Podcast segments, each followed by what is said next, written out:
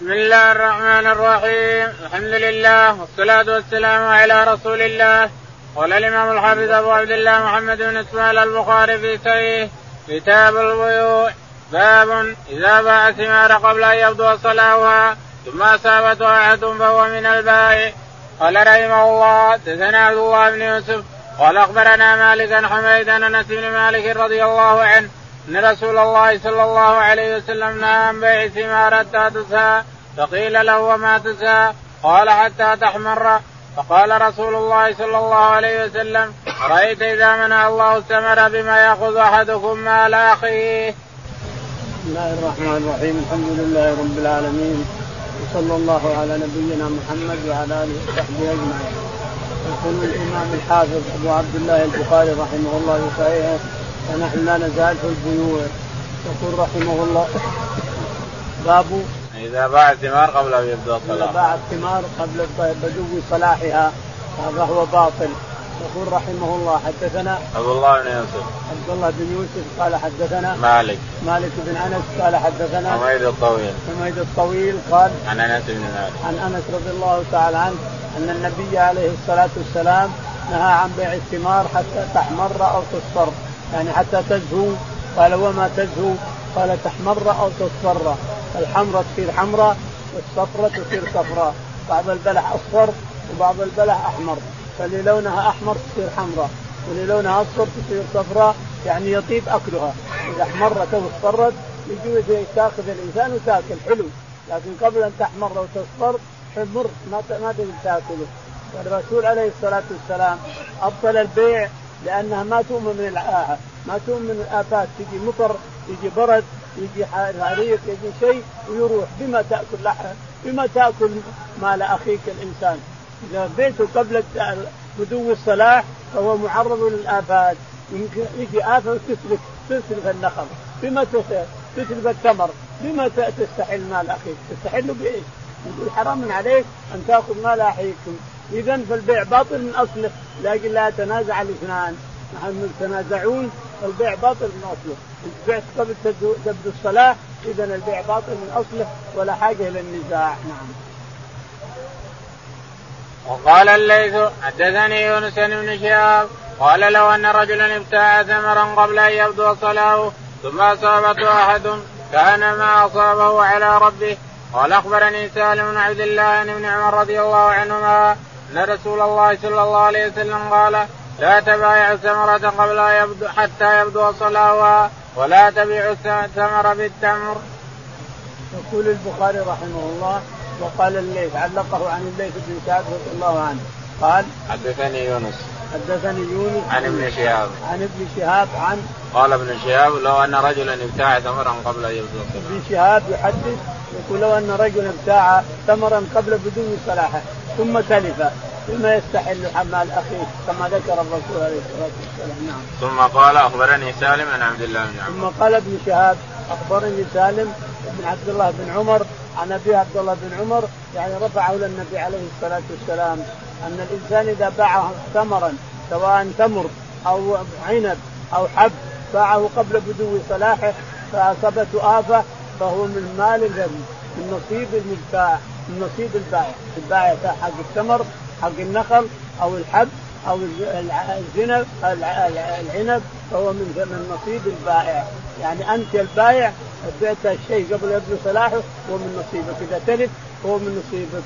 ما تأخذ مال أخيك ترد ترد الدراهم على من أخذته منه. باب شراء الطعام إلى أجل. قال رحمه الله حدثنا عمر بن حفص بن غياث قال حدثنا أبي قال حدثنا الأعمش قال ذكرنا عند إبراهيم الرهن في السلف فقال لا بأس به ثم حدثنا عن الأسود عن عائشة رضي الله عنها أن النبي صلى الله عليه وسلم اشترى طعاما من يهودي إلى أجل فرهنه درعة. يقول البخاري رحمه الله حدثنا باب شراء الطعام إلى أجل. باب شراء الطعام إلى أجل يعني سواء كان سلف أو أنه اشتريته إلى مؤجل إنسان. اشتريت الطعام والفلوس تجيبها لك بعد شهر مثلا. هذا يسمى مؤجل. أو أنه سلف. سلم. كما يسمونه أهل الحجاز يسمونه سلف. واهل العراق يسمونه سلم. أو أهل نجد واهل العراق وغيره. سلم. السلم والسلف واحد. وهو أن تأتي الإنسان اذا رجل يقول أنا في حاجة لدراهم يا فلان. أعطني دراهم. كذا وكذا من الحب. وكذا وكذا. أعطني مثلا 100 ريال كل كل عشرة لك بصاع بصاع بر يحل بعد شهر. هذا السلم. يقول لك أعطني رهن. تعطيه رهن. لا, لا بأس بذلك. دين السلم يجوز فيه الرهن. والدين المطلق يجوز فيه الرهن. كل دين يتدين إنسان من إنسان ويطلب عليه رهن له الحق أن يطلب الرهن. الرسول عليه الصلاة والسلام رهن درعه عند يهودي. فسل أخذ منه اشترى منه 30 صاع شعير ورهنه درعه بالثمن قال حدثنا عمر بن عبد يقول حدثنا عمر بن حفص بن غياث قال حدثنا أبي قال حدثنا قال قال حدثنا الأعمش. حدثنا الأعمش سليمان قال حدثنا قال ذكرنا عند إبراهيم النخعي الرهن بالصلاه قال تذاكرنا عند إبراهيم النخعي إبراهيم بن يزيد النخعي. تذاكرنا مسألة الرهن أو الدين والرهن والسلم وغيره. فقال لا بأس. فقال لا بأس به. ترهن إذا اخذت سلم أو اخذت دين وطلب منك رهن ترهنه لا بأس بذلك. يعني أن عندهم أن دين السلم شديد جدا لأنك لا يجوز تحول عليه ولا تحوله ولا تنقله ولا ت... لكن الرهن جائز. الرهن من البيوعات جائز. أن ترهن مثلا تطلب رهن في دين السلف جائز هذا مع إنه لا يجوز الحوالة فيه. ولا تحويله ولا رهنه ولا ولا موره ولا حوالته. لا يجوز كل هذا لأن دين السلم شديد عندهم. لكن الرهن فيه جائز لأن الرسول رهن درعه. هذا الدليل. قال ثم حدثنا عن الأسود عن عائشة أن النبي صلى الله عليه وسلم ثم حدثنا عن الأسود عن عائشة رضي الله تعالى عنها أن النبي عليه الصلاة والسلام رهن درعه عند يهودي اشترى 30 صاع شعير ولما اشتراها طلب الرهن فأعطاه درعه رهنا ومات وهو مرهون عليه الصلاة والسلام. مات الرسول عليه الصلاة والسلام ودرعه مرهون عند يهودي كما قالت عائشة رضي الله عنها. معنى هذا أن جميع الديون إذا طلب إنسان اخذت من فلان فلوس وطلبك رهن أنه جائز ودين السلام من جنسها. من جنسها طلب منك رهن تعطيه رهن ما في شيء. نعم. باب إذا أراد بيع تمر بتمر خير منه. قال رحمه الله حدثنا قتيبة مالك عن عبد المجيد بن سهيل بن عبد الرحمن عن سعيد بن المسيب عن أبي سعيد الخدري وعن أبي هريرة رضي الله عنهما أن رسول الله صلى الله عليه وسلم استعمل رجلا على خيبر فجاءه بتمر جنيب فقال رسول الله صلى الله عليه وسلم أكل تمر خيبر هكذا؟ قال لا والله يا رسول الله إنا لنأخذ الصاع من هذا بالصاعين والصاعين بالثلاثة فقال رسول الله صلى الله عليه وسلم لا تفعل بيع الجمع بالدراهم ثم ابتع بالدراهم جنيبا. يقول البخاري رحمه الله باب إذا أراد بيع تمر بتمر خير باب إذا باع ما أراده باع. القاعدي النابغة النابغة باع فعل ما هو أراد فعل يبيع الجنيب الممتاز التمر الممتاز من تمر خيبر يبيعه بصاعين. يعني كيل بكيلين يعني مكيل صاع مكيل بصاعين هذا ربا. يقول البخاري رحمه الله حدثنا قتيبة. قتيبة حدثنا مالك. مالك قال حدثنا عبد المجيد بن سعيد. عبد المجيد قال حدثنا سعيد بن المسيب. سعيد بن المسيب عن ابي سعيد الخدري وأبي هريرة. عن أبي سعيد الخدري وأبي هريرة رضي الله تعالى عنه أن النبي عليه الصلاة والسلام استعمل رجلا يأتي بتمر من حديقته من نصيب اللي صار من نصيب الرسول عليه الصلاة والسلام حدائق ينفق منها على نسائه وعلى نفسه. يقول فأرسل رجلا يجيب له تمر من من حدائق خيبر. فراح الرجل فذهب إلى خيبر وأتى بتمر للرسول عليه الصلاة والسلام لكنه تمر ممتاز. والمجانيب ممتاز جدا. فلما رآه الرسول وأكل منه قال كل تمر خيبر بالشكل هذا؟ قال لا يا رسول الله. قال ماذا؟ قال هذا هذا التمر هذا الصاع منه بصاعين من هذا جنيب من الممتاز هذا من التمر الممتاز من خيبر. نبيع الصاع هذا نشتريه بصاعين من من الردي قال لا لا لا تفعل. أوه أوه عين الربا عين الربا. هذا بيع بيع التمر الردي بدراهم واشتر هذا بدراهم بيع هذاك بدراهم واشتر هذا بدراهم وإلا فالقطع بالصاعين حرام ما يجوز لا يمكن سواء كان تمر أو حب أو شيء كله الصاع بصاعين أو الصاع بصاع ونص لا يجوز ربا. قال بيع الجمع بالدراهم ثم ابدع بالدراهم جنيبا. ثم يشتري يعني ثم اشتر بالدراهم جنيبا من التمر الممتاز نعم. باب من باع نخلا قد أبرت أو أرضا مزروعة أو بإجازة قال رحمه الله. أو بإجارة. بإجارة. قال أبو عبد الله وقال إبراهيم أخبرنا هشام قال أخبرنا ابن جريج. قال سمعت ابن أبي مليكة يخبر عن نافع مولى ابن عمر أيما نخل بيعت قبل أيما نخل بيعت قد أبرت لم يذكر الثمر فالثمر للذي أبرها وكذلك العبد والحرث. سمى له نافع هذه الثلاث. يقول البخاري رحمه الله باب بيع الثمر النخل بعدما أبر. عندك نخل لك حديقة وأبرتها ثم بعتها. إذا بعت النخل الأصل أصل النخل الأرض والنخل. بعته على شخص قد أبر النخل فالنخل الثمرة للبائع إلا أن يشترطه المنتهى الثمرة ثمرة النخل الذي أبره صاحب النخل له إلا أن يشترط المبتاع. يعني المشتري يشترط قال يا فلان أبشتري النخل هذا بثمره. ثمره لي. حتى لو أبرته أبشتريه بثمره. ثم اشترطه ورضي لا بأس يروح النخل كله هو ثمره للمشتري. أما إذا لم يشترط الثمر فالثمر للبائع يبقى الثمر حتى يجده البائع. يبقى يسقيه البائع ويأبره ويسوي له كل شيء حتى يجده حتى يثمر ويجده ويأخذ ثمره وهذا يأخذ النخل هذا يأخذ الأصل وهذا يأخذ الثمر. وكذلك العبد إذا باع عبدا وله مال فاشترطه المشتري المشتري قال بشتري العبد حقك عبدك هذا وماله لي المال لي فإن لم يشترط المال صار المال للبائع. إذا اشتريت العبد أنت شريت العبد ما اشتريت المال. ولا شرطت المال المال لي أنا البائع. فأعطيه العبد والمال يبقى لي. إلا أن يشترطه المبتاع إلا أن يشترط المشتري يا فلان أبشتري العبد وماله. المال لي. المال اللي له اللي عنده لي. فاشترطه ذهب العبد وماله إلى المشتري. وكذلك كل شيء له ثمر. والحب كذلك. الحب إذا اشتراه واشترط ثمره فهو له. نعم. أو باجاره. أو باجاره يعني أو باجاره استاجر واشترط إذا اجى بستاجر عبدك وبستاجر نخلك وقد ابر فاشترط الاجاره فلا بأس به. قال رحمه الله حدثنا عبد الله بن يوسف قال أخبرنا مالك النافع عن عبد الله بن عمر رضي الله عنهما أن رسول الله صلى الله عليه وسلم قال من باع نخلا قد أبرت فثمرها للبائع إلا أن يشترط المبتاع. يقول البخاري رحمه الله حدثنا عبد الله بن يوسف. عبد الله بن يوسف قال حدثنا مالك. مالك قال حدثنا نافع عن نافع عن ابن عمر أن النبي عليه الصلاة والسلام قال من ابتاع نخلا قد أبر فماله فثمره للمؤبر للبائع. إلا ان يشترط الثمره على البائع. المشتري اشترط قال يا فلان الثمر لي الثمر لي. أنا أشتري الأرض النخل أشتري الحديقة هذه أصلها ونقلها والثمر لي. إذا اشترط ورضي هذاك فالثمر له وإلا فالثمر يبقى للبائع حتى يجده البائع انت اشتريت الأصل ما اشتريت الثمر نعم.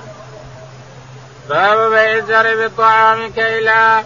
قال رحمه الله دثنا قتيبة قال دثنا الليث النافع عن ابن عمر رضي الله عنه قال نهى رسول الله صلى الله عليه وسلم عن المزابنة أن يبيع ثمر حائط إن كان نخلا بتمر كيلا وإن كان كرما أن يبيعه بزبيب كيلا. وإن كان زرعا أن يبيعه بكيل طعام ونهى عن ذلك كله. يقول البخاري رحمه الله باب النهي عن بيع المزابنة والمحاقلة والمخابرة كما سيأتي. المزابنة تبيع النخل الرطب على رؤوس نخلي بتمر بتمر ناشف كنك ناشف تمر تمر ناشف تشتريه برطب إلا العاريه كما مرت في الماضي. مرت لنا بالأمس بشروطها الخمسة. أما إذا لم يكن عارية فإنه حرام أن تشتري عنب على رؤوس النخل على عنب بزبيب أو تشتري رطب بتمر أو تشتري حب رطب بسنبله بحب يابس ما يجوز هذا كله.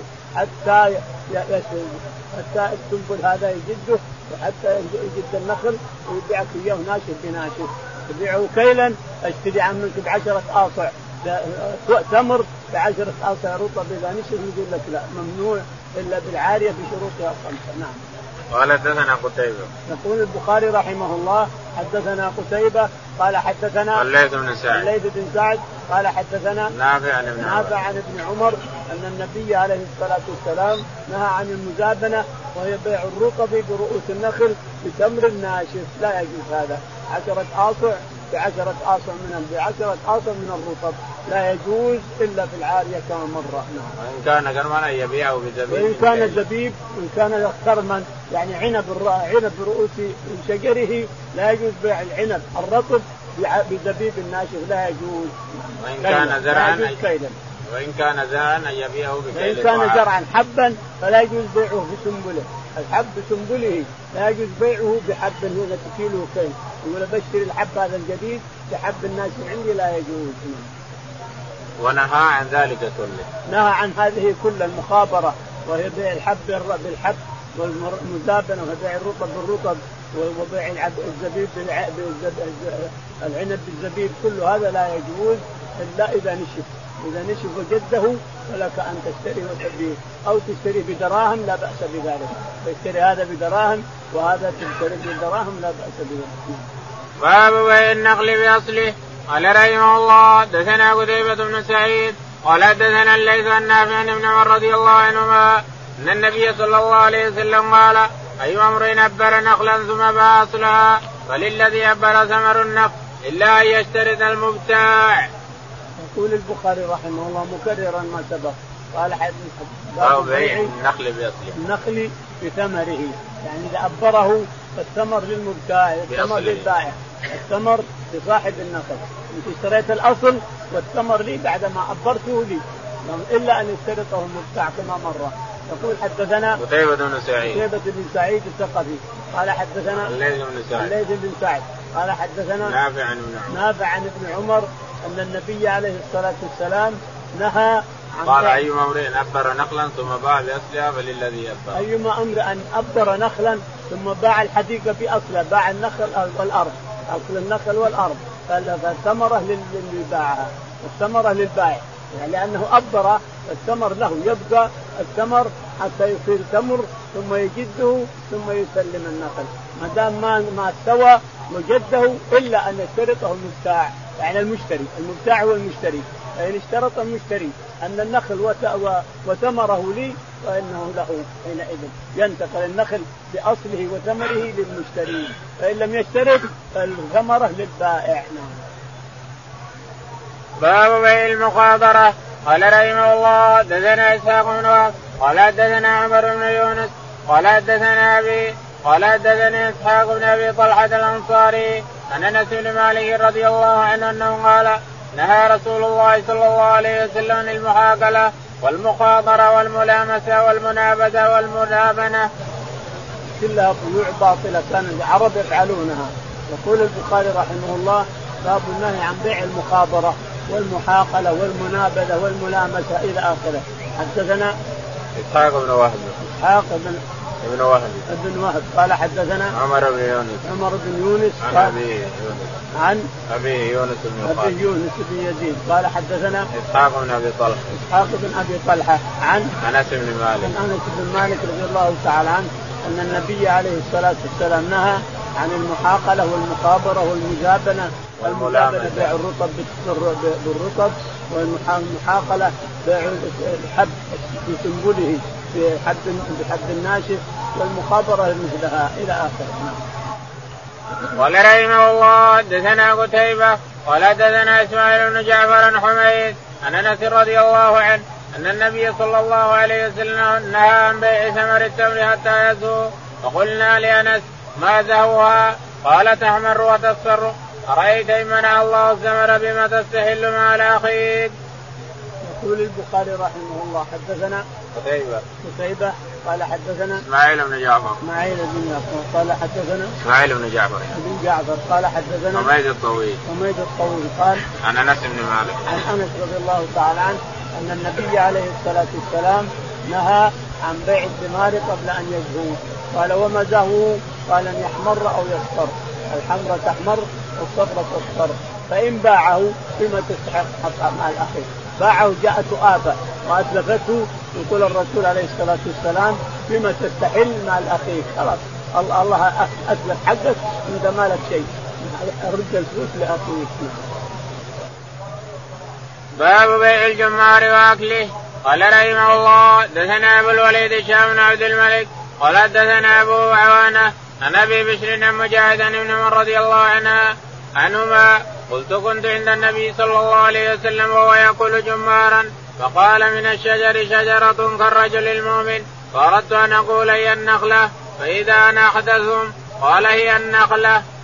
يقول البخاري رحمه الله باب أكل الجمار، الجمار قلب النخلة، الجمارة قلب النخلة، لذيذ لذيذ مرة، يأكلون القلب يأكلونه. لذيذ مرة، يأكلون بعضه. يخلون البعض ينبت نخل، فإن أكلوه كله ما ينبت شيء، خلاص ينتهي، ما عاد تنبت شيء، إذا أكل قلبها ما تنبت شيء، لكن يأكلون شيء ويخلون شيء. يقول البخاري رحمه الله حدثنا أبو الوليد هشام. أبو الوليد هشام. قال حدثنا أبو عوانة. أبو عوانة. قال حدثنا أبو بشر جعفر. أبو بشر جعفر بن أبي وحشية. قال عن مجاهد عن ابن عمر عن مجاهد عن ابن عمر رضي الله عنهما. قال ابن عمر أتيت النبي عليه الصلاة والسلام وهو يأكل جمارا. وقال سأل الصحابة رضي الله عنهم ما هي ما هي شجرة شبيهة بالمؤمن لا يحس ورقها. ما هي شجرة شبيهة بالمؤمن لا يحس شجرها. يقول فسكت الناس ما يدرون الشيء وقع في قلبي يقول ابن عمر وقع في قلبي أنها النخله لكن رايت نفسي صغير. وعندي أبو بكر وعمر وكبار الصحابة وأنا حدث صغير. قال الرسول هي النخلة. قلت لعمر والله وقع في قلبي قال ليتك قلتها ليتك قلت النخلة ليتك قلتها يا عبد بن محمد باب من أجرى أمر الأنصار على ما يتعارفون بينهم في البيوع والإجارة والمكيال والوزن وسننهم على نياتهم ومذاهب المشهورة. وقال شريح للغزال وقال شريح للغزالين سنتكم بينكم.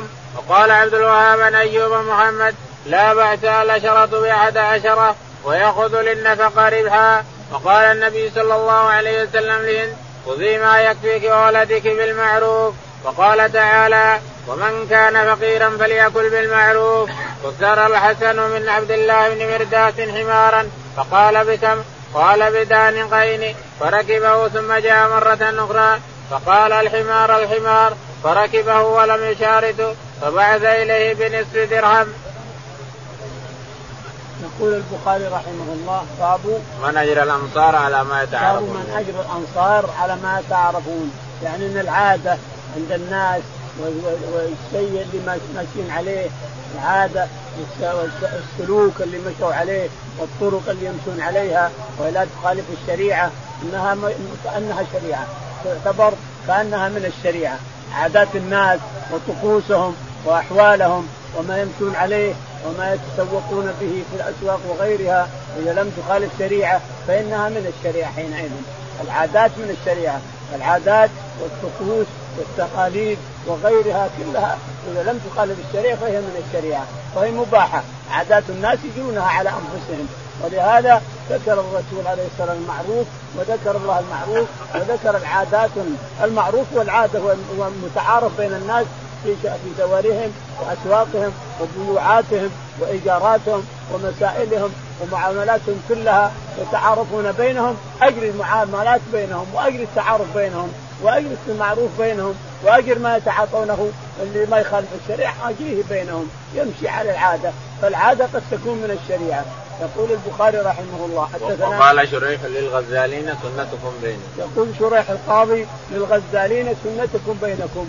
يعني طريقتكم وعاداتكم بينكم ما لنا دخل. لا تجون عندي يعني لا تجون تحاكمون عندي. بينكم شوف العادات اللي تمشون عليها أنتم الغزالين والنساجين وغيرهم والخياطين. إنكم بينكم. اجوا عاداتكم فيما بينكم. ولا تروحوا للمحاكم ولا للقاضي. العادة تمشي مثل مشي المحكمة ومثل مشي الشريعة. يقول البخاري رحمه الله. وقال عبد الوهاب عن ايوب محمد قال عبد الوهاب. قال عبد الوهاب عن أيوب عن محمد بن عن محمد بن سيرين عن لا بأس العشرة بأحد عشر. لا بأس العشرة بأحد عشر. عشرة بأحد عشر. هذا ممنوع باطل لأنه من الربا. عشرة بأحد عشر دهد وزده يقول في اللغة. دهد وزده يعني عشرة ب عشر لا يجوز هذا. باطل عند الإمام أحمد وعند كثير من أئمة الفقه والفتوى. وبعضهم يبيحه. كابن سيرين وغيره. يبيح العشرة ب 11 اشتريت هذه العشرة أنا اشتريها منك ب 11 10 ب 11 كل 10 ب 11 كل 10 ب 11 هذا باطل عند الإمام أحمد وبيع مردود عنده وعند الشافعي وأظن عند مالك أيضا. وأما أبو حنيفة يبيحه وبعض العلماء ليش يقول له معلوم؟ الثمن معلوم والربح معلوم. الربح معلوم واحد من عشرة والثمن معلوم عشرة. معلوم. لكن الإمام أحمد يقول لا. مجهول الثمن مجهول. حتى العشرة ب 11 مجهول. لا يجوز هذا. والتعامل عند الصحابة ممنوع هذا. فعند الإمام أحمد باطل وعند الشافعي ومالك باطل. يجيز ابو حنيفة وبعض وابن سيرين وبعض التابعين وبعض الصحابة يجيزونه لكنه باطل. عشرة ب 11 زهد وزه يسمونه. هذا لا يجوز وباطل نعم. ويأخذ للنفقة ربحا. ويأخذ من نفقته ربحا. هذا إذا ربح يأخذ ربحا من نفقته. يعني الذي تولى مال اليتيم فإن كان غنيا فليستعفف. وإن كان فقيرا فليأكل بالمعروف. وإذا كان باع واشترى بها فليأكل يأخذ ربح. إذا باع واشترى بمال اليتيم أو خلطه بماله فإنه يتقاسم الربح. هو مال اليتيم. يقول الرسول عليه الصلاة والسلام اتجروا بمال اليتيم لئلا تأكله الصدقة. إذا اجتمع المال لليتيم جلسته في مكان واحد تأكل الزكاة. من كل سنة يدخل يخرج زكاة. كل سنة يقضي. يقول اتجروا بالمال مال اليتيم اتجروا به لأنه لا لئلا تأكله الزكاة. الربح. إذا اتجرت به وربحت يصير الربح عن الزكاة تخرج الزكاة من الربح. فإذا كان لك مال وخلطته مع مالك فإن الربح بينكما أنتم الربح بينكما أنصاف ورأس المال لليتيم. نعم. وقال النبي صلى الله عليه وسلم لهند خذي ما يكفيك ولدك بالمال. قال النبي عليه الصلاة والسلام لما سألته هند يا رسول الله هند امرأة أبي سفيان كان شحيح بخيل فجاءت هند بنت عتبة بن عتبة بن ربيعة. قالت يا رسول الله إن أبي إن أبا سفيان هذا بعد فتح مكة. إن أبا سفيان رجل شحيح وأنا وأولادي نحتاج إلى أكل نحتاج إلى شرب نحتاج قال آخذ من ماله سرقه بدون أن يشعر. قال خذي من مالك من ماله بالمعروف. خذي من ماله ما تقدرين عليه بالمعروف. لا تزيدين ولا تنقصين. لا إسراف ولا تبذير. خذي ما يكفيك. وولدك بالمعروف ولو لم يعلم. يعني معنى هذا أن المرأة تأخذ من مال زوجها إذا كان شحيحا ولا ينفق عليها ولا تشبع هي واولادها تأخذ من ماله بالمعروف. يعني تصور في مفتاح على مفتاح خزان كانوا يفتح كانوا يخزن عنده مخزن أو عنده حاجة تأخذ تصور عليه وتفتح وتأخذ ما يكفيها وولدها بالمعروف دون أن يشعر. لا بأس بذلك نعم. يعني والشاهد المعروف بالمعروف يعني بالمتعارف بين الناس. المتعارف بين الناس تاكلين بالمتعارف بين الناس. تاكلين أما وجبتين أو ثلاث وجبات شوفوا المتعارف بين الناس خذي ما يكفيك ولدك بالمتعارف بين الناس. نعم. قال تعالى وإن كان فقيرا فليأكل بالمعروف. وقال تعالى عن اليتيم إن كان فقيرا فليأكل بالمعروف أيضا، المتعارف بين الناس تأكل أنت اللي تشتغل بمال اليتيم كل بالمعروف، الشيء المتعارف بين الناس، أنك إذا اتجرت بالمال تأخذ كذا وتأخذ كذا معروف عند الناس وتأخذ بالمعروف، نعم. قال واختار الحسن من عبد الله بن مرداس نارا وقال واختار الحسن البصري من عبد الله بن مرداس اختار ولا اشترى؟ اشترى اشترى من عبد الله بن مرداس نعم. اجره يعني. واختار الحسن من عبد الله بن مرداس حمارا فقال بكم؟ قال بدانقين يقول إنه اشترى حمارا. الحسن اشترى من عبد الله بن مرداس حمارا. فقال بكم؟ قال بدانقين نعم. الدانق من الدوانق معروفة عند الأولين الحين ما تعرف. الثاني وركبه ثم جاء مرة أخرى فقال الحمار الحمار فركبه فركبه ثم جاء مرة أخرى قال الحمار الحمار. نعم. قال ولم يشاركه فبعث إليه بنصف درهم. قال ولم يشاركه بعث إليه بنصف درهم. يعني ما شاركه بالثمن.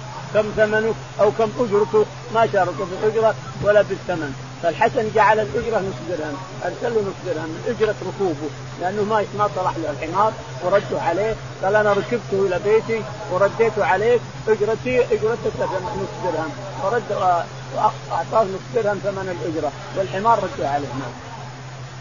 قال رحمه الله دثنا عبد الله بن يوسف قال أخبرنا مالك بن حميد الطويل عن أنس بن مالك رضي الله عنه قال هجم رسول الله صلى الله عليه وسلم أبو طيبة فأمر له رسول الله صلى الله عليه وسلم بساع من تمر وأمر له أن يخففوا عنه من خراجه. يقول البخاري رحمه الله حدثنا عبد الله بن يوسف. عبد الله بن يوسف قال قال حدثنا مالك. حدثنا مالك قال عن حميد الطويل. عن حميد الطويل. عن أنس بن مالك. عن أنس بن مالك رضي الله عنه أن النبي عليه الصلاة والسلام حجبه حجمه حاجمه أبو طيبة فأعطاه صاعا من تمر أجرة. أجرته صاعا من تمر. ووصى ووصى عجيبه يعني اسياده من الأنصار ومملوك لواحد من الأنصار أو لاثنين من الأنصار وصاهم أن يخففوا عنه الخراج. ان العرب كانت تملك العبد ثم تخلي العبد يشتري يبيع ويشتري ويشتغل ويعطيه أجرة يعطيه ضريبه كل شهر أنت تكسب مثلا 40 تعطيه خمسة أو عشره سيدك تعطيه خمسة أو عشره من كسبك الإنسان. فقال الرسول عليه الصلاة والسلام خففوا عنه من خراجه الذي تأخذون منه تاخذون منه خراج كل شهر كذا وكذا. فقال خففوا عنه. يعني بدل ما تأخذ 30 خذوا 20 أو أقل. فالشاهد إن أبو طيبة حاجم الرسول عليه الصلاة والسلام وأعطاه الرسول اجرته صاعا من تمر نعم. قال رحمه الله شكت إلى الرسول عليه الصلاة والسلام أنه شحيح وأنها ما تقدر تاكل فقيره هي وعيالها ما, ما عندهم شيء يأكلون. هل آخذ من ماله بالمعروف؟ يعني خفيه وهو لم يشعر قال خذي بالمعروف هذا الشاهد. خذي ما يكفيك وولدك بالمعروف. انظري كان المتعارف بين الناس أنك تأكلين وجبتين خذي وجبتين من ماله ولو لم يشعر. وإن كان المتعارف ثلاث وجبات خذي ثلاث وجبات ما يكفيك إلا ثلاث وجبات. بدون إسراف ولا تبذير إن كان وجبة واحدة تكفيكم خذي وجبة واحدة. المهم المتعارف بين الناس. المتعارف بيننا عند العرب لذلك اليوم. إن كان المتعارف عندهم أن المرأة تأكل في بيتها ثلاث مرات خذي ثلاث مرات. مرتين مرتين. مرة واحدة خذي مرة واحدة. المتعارف عند العرب ذلك اليوم. خذي ما يكفيك وولدك بالمعروف. نعم.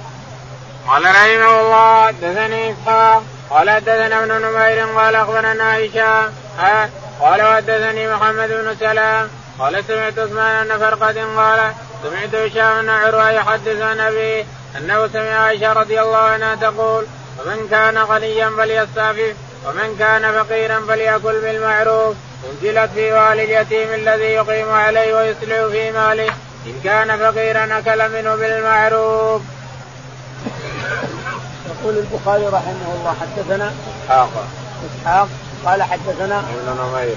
ابن نمير قال حدثنا هشام. هشام. ثم حول السند. ثم حول السند فقال حدثنا محمد بن سلام. محمد بن سلام قال حدثنا عثمان بن فرقد. عثمان بن فرقد قال قال حدثنا هشام. قال حدثنا هشام عن عروة. عن عروة عن عائشة رضي الله تعالى عنها أن اليتيم هذا صار عنده يتيم واخوه مات وخلف عيال يتامى أو يتيم واحد أو أكثر أو أقل فإنه إذا كان له مال يأكل يبيع ويشتري ويأكل المال بالمعروف. بشرط أن يتجر يبيع ويشتري. فإن كان غنيا فليستعفف لا يأكل شيء ولا ياكل شيء لأن الله أغناه. وإن كان فقير فليأكل بالمعروف المتعارف بين الناس. كم تبيع وتشتري لهذا؟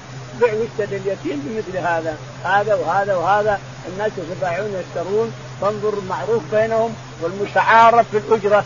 إذا باع إذا باع واشترى له بالاجره المتعارف. وإن خلطت مالك بماله وجعلت الربح بينكما كذلك بالمعروف. تقسم الربح بينكما. تعطيه نصف وأنت نصف. أو تأخذ ربع وتعطيه ثلاثة الارباع جائز هذا كله. نعم. باب بيع الشريك من شريكه. قال رحمه الله دثني محمود قال دثنا عبد الرزاق قال أخبرنا معمر عن الزهري عن أبي سلمة عن جابر رضي الله عنه جعل رسول الله صلى الله عليه وسلم الشفعة في كل مال لم يقسم فإذا وقعت الحدود وصرفت الطرق فلا شفعة. يقول البخاري رحمه الله باب بيع الشريك من شريكه. يعني الشريك وكيل. أنا وياك اشتركنا في مال نبيع نشتري فيه أنت وكيل لي وشريك وأنا وكيل لك وشريك. فأنا أتصرف وأنت تتصرف. أنت تصرف تبيع وتشتري وأنا أتصرف وأبيع وأشتري. والريح بيننا انصاف هذا المتعارف بين الناس. على اتفاق اتفقنا على أني أتصرف أنا. فأنت وكيلي في البيع المشترى وأنا وكيلك في البيع المشترى. والريح بيننا انصاف أو على ما اتفقنا. بيننا ثلاث ارباع ولك ربع. أو بيننا كذا وكذا. على ما اتفقنا عليه. فهو وكيل وشريك. وأنا وكيل وشريك. هذا الترجمة. ثم جاء بحديث آخر البخاري رحمه الله وهي الشفعة. الشفعة في البيوت والشفعة في الشراكه شراكة البيوت وما إلى ذلك. يقول البخاري حدثنا محمود بن غيلان. محمود بن غيلان. قال حدثنا عبد الرزاق. عبد الرزاق الصنعاني قال قال حدثنا معمر. قال حدثنا معمر. عن الزهري. عن الزهري. عن أبي سلمة. عن أبي سلمة بن عبد الرحمن قال عن جابر بن عبد الله. عن جابر رضي الله تعالى عنه قال الشفعة جعل رسول الله صلى الله عليه وسلم الشفعة في كل مال لم يقسم. جعل عليه الصلاة والسلام الشفعة في كل مال لم يقسم. شفعة. يعني معنى هذا أن البيت هذا لنصف الطوبة ولك نصف الطوبة، لنصف الباب ولك نصف الباب، هذا ما يمكن يقسم، ما يمكن يقسم، كيف يقسم؟ هذا أشفع أنا، أشفع، إذا بعته بعت نصيبك أشفع عليك أنا وحل محل الشريك واعطيه الشريك الثمن، أعطيك الثمن من الشريك، انت الشريك بيعطيك الثمن أنا أعطيك الثمن. بلاش من الشريك، أنا اصير المشتري احل محل المشتري البراني وأعطيك الثمن، ما أن أنك تجيب لي أجنبي. يحل محل محلك أنت. أنا راض بشراكتك وراض بإيجارتك وراض بكونك جاري وراض بسلوكك معي. لكن تجيب واحد أجنبي يحل محلي لنصف الباب ولك نصفه ولنصف الطوبة ونصفه ولك نصف الجدار ولنصفه يقوم محلي بهذا الشيء ما يمكن. فأنا اشفع كل ما لم ما يمكن يقسم. شيء ما يقسم فيه الشفعة. والشيء اللي يقسم وتصرف الطرق فيه لا شفعة فيه. مثلا أنا لي طبقة من البيت هذا وأنت لك طبقة، أنا لي طريق أطلع معه ما أضرك وأنت لك طريق تطلع معه، ما في شفعة هذا، أو هذا بيتي وهذا بيتك والجدار واحد، طريقك من هنا وطريقي من هنا، إذا صرفت الطرق فلا شفعة، إذا عرفت الحدود وصرفت الطرق فلا شفعة، وإن كان أبو حنيفة يقول الشفعة حتى في الجار وعنده حديث في البخاري أيضا، لكن الصحيح عند الأئمة الثلاثة أن شفعه الجار لا شفعة للجار. إذا سر الحديث هذا آكد من حديث أبي حنيفة. فيقول اذا عرفت الحدود وصرفت الطرق فلا شفعه عرفت الحدود وصرفت الطرق فلا شفعه أما إذا تصرف الطرق ولا تعرف الحدود ففيه الشفعه حينئذ. كل ما لم يقبل القسمة ففيه الشفعه نعم. باب بيع الأرض والدور والعروض مشاء غير مقصود. قال رحمه الله دثنا محمد بن محبوب قال حدثنا عبد الواحد قال حدثنا معمر الدوري عن أبي سلمة بن عبد الرحمن عن جابر بن عبد الله رضي الله عنه قال قضى النبي صلى الله عليه وسلم بالشفعة في كل مال لم يقسم فإذا وقعت الحدود وصرفت الطرق فلا شبهة. قال حدثنا مسدد قال حدثنا عبد الواحد بهذا وقال في كل مال لم يقسم. تابعه هشام عن معمر قال عبد الرزاق في كل مال. رواه عبد الرحمن بن إسحاق عن الزهري. يقول البخاري رحمه الله حدثنا باب بيع الأرض والدور والعروض. بيع الأرض والدور والمساكن. إذا لم تقسم ولا تقبل الشفعه ما تقبل القسمة. إذا كانت ما تقبل القسمة ففيها الشفعه أما إذا كانت تقبل القسمة وعرفت الحدود وصرفت الطرق فلا شفعه لكن إذا كان ما تقبل قسمه لي نصف الباب وله نصف الباب. لنصف الجدار وله نصف الجدار. لنصف الطوبة وله نصف الطوبة. ما تقبل هذه ما تقبل. القسمة اذا ففيها الشفعه إذا باع شريكي جاري باع حقه أنا أشتري. يقول لا أنا ببيع على فلان. يقول لا اللي الدراهم اللي يعطيك فلان أنا أعطيك إياها. والبيت يصير لي كله. وخذ الفلوس خلاص أنت. فالشفعه حينئذ لا زاد يأخذه قهرا. ما هو رضا. حتى لو ما رضي. ما دام بعت حقك خلاص أخذه قهرا عليك وأخذ البيت كله لي ولا يدخل علي أجنبي اطلاقا. أنا حر وببيع وبين يقول لا ما أنت حر. الشريعة مسكتك الشريعة كتفتك تكتيف لي أنا. أنت بعت شيء بيني وبينك ما ما قسم. باب نصف لي ونصف لك طوبة نصف لي ونصف لك تدارك تجيب واحد يحل محلي ما يمكن. يحل محلك ما يمكن. فلوسي وفلوس الاجنبي واحد. تفضل أنت بيت والآن البيت كله لي. تفضل ارحل يرحل يخلي يخلي البيت شريكه بالقوة رغم انفه حتى لو ما رضي يصيح وأنا ما أنا راضي وبجيب اجنبي وبعت أنا وأنا حر نقول لا. شريكك ياخذه بالقوة قهرا عليك ارحل خلاص خلي البيت لصاحبه نعم قال حدثنا محمد بن محمود. يقول البخاري رحمه الله حدثنا محمد قال حدثنا عبد الواحد عبد الواحد. عبد الواحد بن زياد قال حدثنا معمر بن راشد. معمر بن راشد قال حدثنا الزهري. الزهري عن أبي سلمة بن عبد الرحمن. عن أبي سلمة أبي سلمة بن عبد الرحمن. عن جابر بن عبد الله. عن جابر رضي الله تعالى عنه أن النبي عليه الصلاة والسلام قال نعم. قضى النبي صلى الله عليه وسلم بالشفعه في كل مال لم يقول جابر رضي الله تعالى عنه قضى النبي عليه الصلاة والسلام بالشفعة في كل ما لم يقسم. اللي ما يقبل القسمة ما يقبل خلاص. نصفه له ونصفه لي. ونصفه الجدار ونصفه ونصفه. ما يقبل القسمة. هذا فيه الشفعه لأنه ما يقبل التقسيم. ما كيف نقسم؟ ما يمكن يقسم. مناصفه هذا فيه الشفعه إذا باع تأخذه قهرا عليه غصبا عليه. أما إذا صرفت الطرق عرفت الحدود وصرفت الطرق أنا لي طريق أطلع منه إلى الشارع وله طريق يطلع منه الشارع والبيت واحد. لكن أنا لي طريق وله طريق فلا شفعه حينئذ. أو هذه بيتي وهذا بيت هو جدار واحد. وطريقي من هنا وطريقه من هنا. ما في شفعه هذا نعم.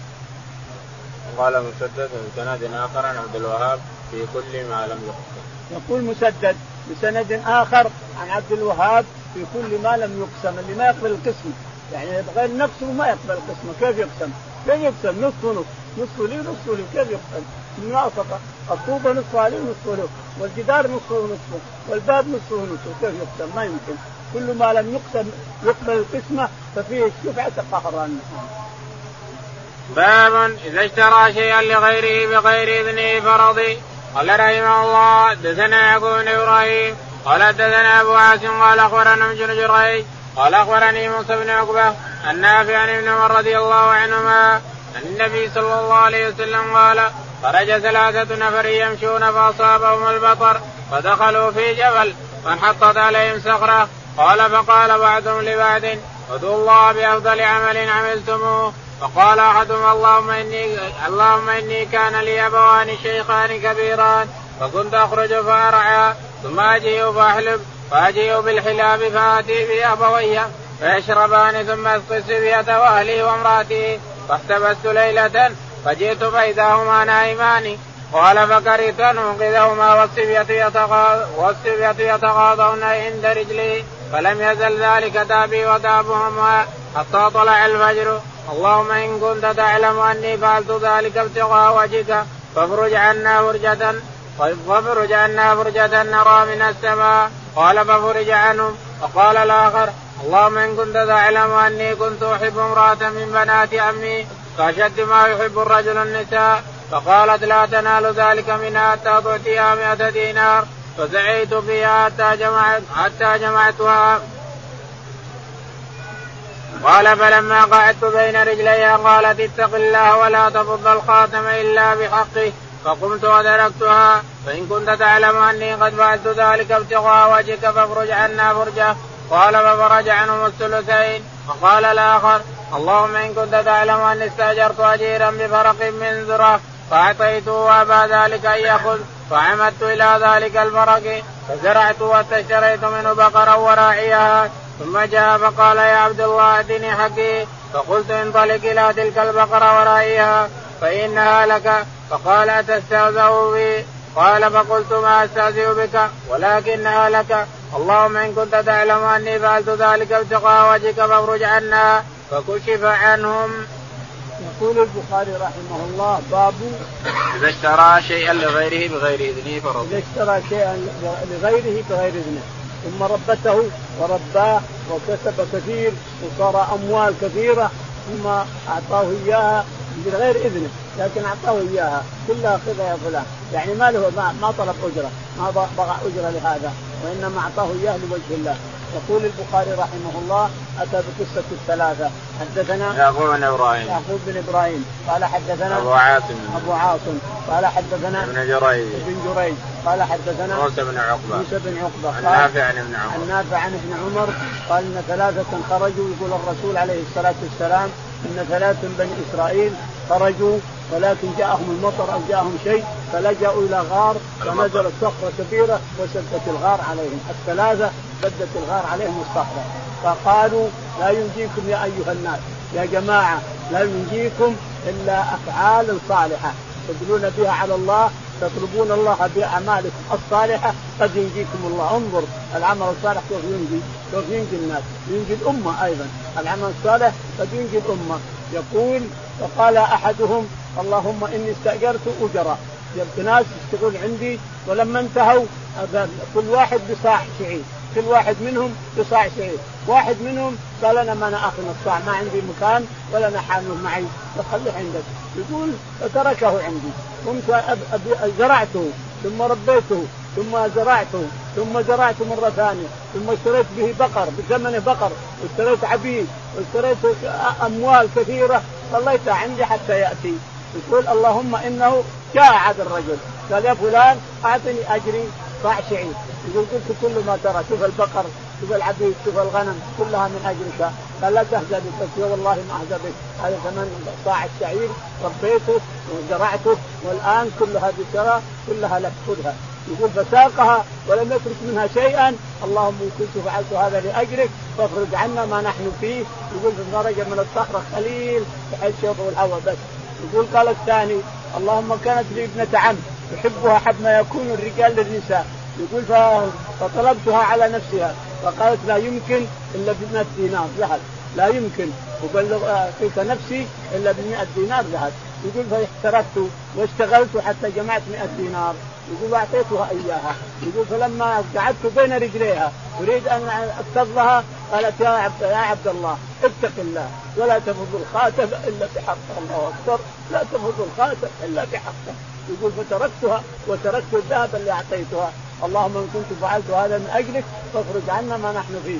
فانفرجت إلا أنه بقي قليل.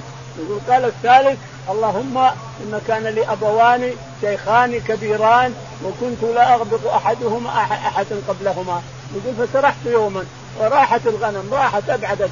يقول لقيت وإذا هما راقدين. ابوان شيخان يقول نومة. يقول وحلبت الحليب واتيت عند رأسهما والحليب بين يدي والعيال يصيحون والحريم يصيحون. يقول وقعدت عند رأسيهما حتى أصبح الصباح. اللهم إن كنت فعلت هذا من أجلك فاخرج عنا ما نحن فيه. يقول انضرجت الصخرة وخرجوا يمشون العمل الصالح كيف ينجي الإنسان. عملك الصالح إذا طلبت ربك به لا بأس بذلك. ما تدري به على الله تقول أنا عملته من بي واعطني لا. تقول اللهم إني فعلته من أجلك يا ربي. فاخرج عنا ما نحن فيه. فانفجر خرجت الصخرة وخرجوا يمشون. الله أعلم. اللهم اهدنا فيمن هديت. وعافنا فيمن عافيت. وتولنا فيمن توليت. اللهم توفنا مسلمين. والحقنا بالصالحين يا رب العالمين.